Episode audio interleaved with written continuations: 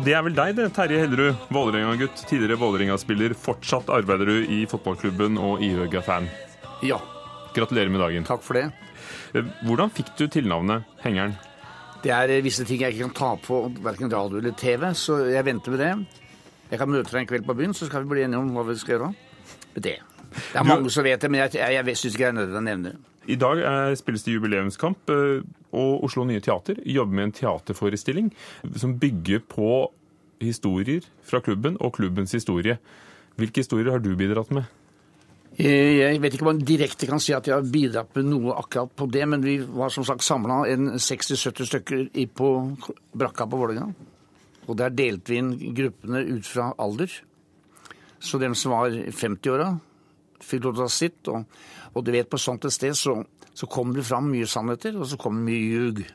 Det er litt av stilen vår. Det er ikke alltid riktig det vi sier, men så lenge det går bra og ingen blir såra av dette, her, så spiller det ingen rolle for oss. Da syns vi det er greit. 1965, da var dere seriemestere. Ja. Hva var din største bragd det året? At jeg ble seriemester. og det er jo også sånn at, at vi holdt jo med så mange idrettsgrener. At vi sleit jo i mange år før vi blei seriemestere. Så jeg tror at hvis to-tre stykker av oss hadde i blaffen og, å bare spilt fotball, så hadde vi mester lenge før. Men det er klart at det, det var to kamper på dagen, det var jobb fra sju til fire. Og da, da blir du sliten underveis. Når begynte du i Vålerenga? 46. Og holdt på med hockey, bandy, håndball, fotball? Jeg har spilt bandy i Tåsen, men jeg spilte fotball, ishockey og bandy og, og håndball i, i Fredensborg. Og jobbet fulltid? Ja. Hva drev dere? Nei, du vet at det, det, det, som var hobby, det var at vi hadde ikke noe annet å finne på. da. Det var idretten. Og ikke hadde vi penger til å flytte byen. Det var... Og vi var jo 30-40 stykker som sto da på hjørnet hver eneste kveld og diskuterte enten fotball eller hockey. Sommeren fløy vi bort der ved to eller elleve-tida om kvelden og, spilte drilleparty til klokka var to-tre om morgenen. Og så på jobben klokka sju, så det var ikke akkurat så like sprek. Og så hjem fra jobben, og så var det da på trening klokka halv seks, og så var det fotballkamp da, og så var det kanskje en hockeymatch på kvelden i september måned. Så vi, vi holdt på hele tida. Dere må ha trent mer enn det de gjør nå? Vi var i fantastisk god form. Vi trente jo veldig mye, men du kan si at det du får i dag, er jo Da trener du to timer, da. Og så får du massasje og alt dette her, og så kan du gå og så stelle seg sjøl. Vi måtte jo stelle oss sjøl. Vi hadde en isboks liksom, vi spraya på hvis det var vondt noen steder. Så Nei, nei, du kan ikke sammenligne helt at det er to vidt forskjellige ting. Kjetil Indregard, det er du som er manusforfatter til jubileumsstykket som får premiere i september på Oslo Nye Teater. Hvordan begynner du i det hele tatt? Nei, altså Hovedproblemet med dette var jo at uh, vi begynte jo da, som, som Terje sa, oppe på brakka, og vi fikk et vel av historier fra 20-, 30-, 40-tallet og helt opp til våre dager. Og det var jo så mye. Altså det, at Den hoveddelen av denne jobben har jo vært å på en måte plukke ut uh, det som skulle få være med, og det har jo nok stoff. Det er sikkert 5-60 teaterstykker om Vålerenga. Uh, og samtidig så var det jo også viktig at, at de historiene skulle egentlig bare være på en måte det krydderet. fordi at helt i bånn så handler det jo på en måte om egentlig livet på Vålerenga. Eh, altså det handler om bydelen, og, det handler om en familie som, som eh, vi følger da det begynner med Henry Abelsen, som er født eh, samme dag som Vålerenga ble stifta, altså 29.07.1913. Og så følger vi på en måte hans families historie fram til i dag. Men hele tiden da som er bakteppet, alle disse historiene og anekdotene og, og alt det som faktisk skjedde. altså Hvis noe viktig skjer på 60-tallet, så legger vi det selvfølgelig til 1965, når de vinner seriegull for første gang, osv. Aftenposten kaller klubben i dag for nasjonens mest sjarmerende annerledesklubb. Hva gjør i dine øyne Vålerenga til noe mer enn en fotballklubb? Eh, akkurat hva det er, er vanskelig å si, for det har noe med magi å gjøre, tror jeg. Men, eh, og jeg har aldri Altså, Jeg har vokst opp utenby, jeg har vokst opp i Nord-Norge, så jeg har liksom ikke vokst opp med dette. Men jeg bodde flere år på Vålerenga og ble helt bare altså helt forelska i bydelen. Eh, og når du også møter folk som har det forholdet til Vålerenga som, som, Terje har, og som veldig veldig mange har altså er, De har et magisk forhold til det. Og det er et eller annet med den en samhørighet og altså det er tenkt, sånn, Noen som en gang sa at Vålerenga er, ja, er min religion. Så er det noe med at alle de anekdotene har på en måte gått inn i en slags liturgi for den religionen.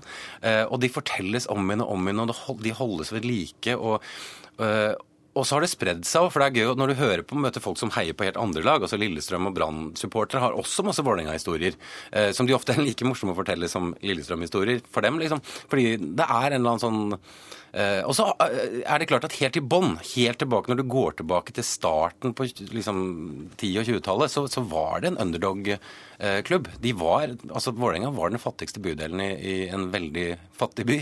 Og de kjempa med nebb og klør for å bli, få respekt, rett og slett. Alle dommerne kom fra vestkanten, og de, ja, de, de, det krevde på en måte at de sto sammen mot fienden. Har det noe med stedet å gjøre? Ja, jeg tror det, men samtidig så tror jeg, som han sier, at det, dette her med Vålinga, det tror jeg skjedde etter krigen. Vålinga var greit før krigen, med Sotajorden og alt dette her. Men etter krigen så har det skjedd et eller annet. Så med Helmut Steffens og oss ble kalt bohemer, ikke sant.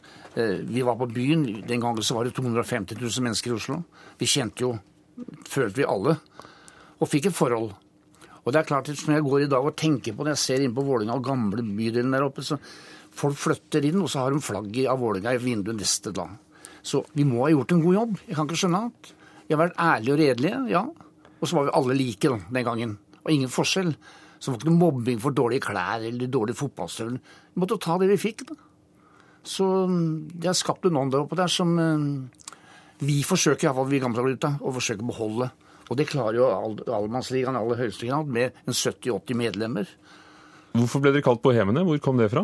Det var Helmut Steffensen som var den første mann som skjønte hva Per var. Og han uh, kalte oss Hermelin-gutta og alt dette. Det var flotte navn, skjønner du. Og da, hvis vi tapte en kamp, så hadde de jo en unnskyldning for et eller annet. da. Men uh, det var en fantastisk PR-mann.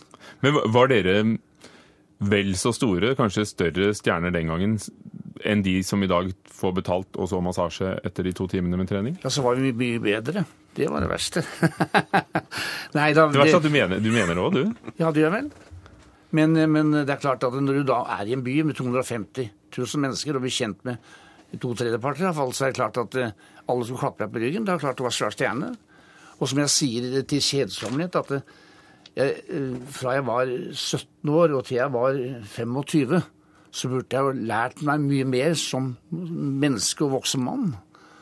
Men isteden så var alle klappa på ryggen din, ikke sant? Og åpne døra. var ikke dør som var stengt. Og det er klart, den dagen jeg slutta, første gangen, så plutselig møtte jeg veggen. Død, plutselig møtte døren, og så i kø sammen med andre. Skjønte ikke bæret. Så da begynte du igjen? Da begynte jeg. Og så klarte jeg å komme tilbake igjen, da. For det er jo ikke alle som har gjort det heller, da. Så... Og Vålinga har jo vært i trøbbel mange ganger eh, sånn økonomisk, og klart seg hver gang. Ja. Det har alltid vært dukka opp noen folk som har hatt noen penger, da. Men du vet, penga begynte ikke å florere her i Vålerenga før i 80-åra. Før det så Jeg tjente 2500 kroner på et år. Da var jeg seriemester i 65. Ja. Og da kan jeg gå ned i garderoben til gutta og si at det tjente jeg. Ja, det var mye penger den gangen, siden. Det er ikke riktig kloke, sa jeg. Det er ikke mulig. Men det tjente vi på et helt år. Sommer og vinter og trening. Du ser at det er godt drama i historiene dine og deres? Ja, men det, men det er um, og vi forsøker å, å, å ikke bagatellisere dette, men det er klart at det, det er hauger av penger som går ut av disse klubba, og en vakker dag så stopper det helt opp.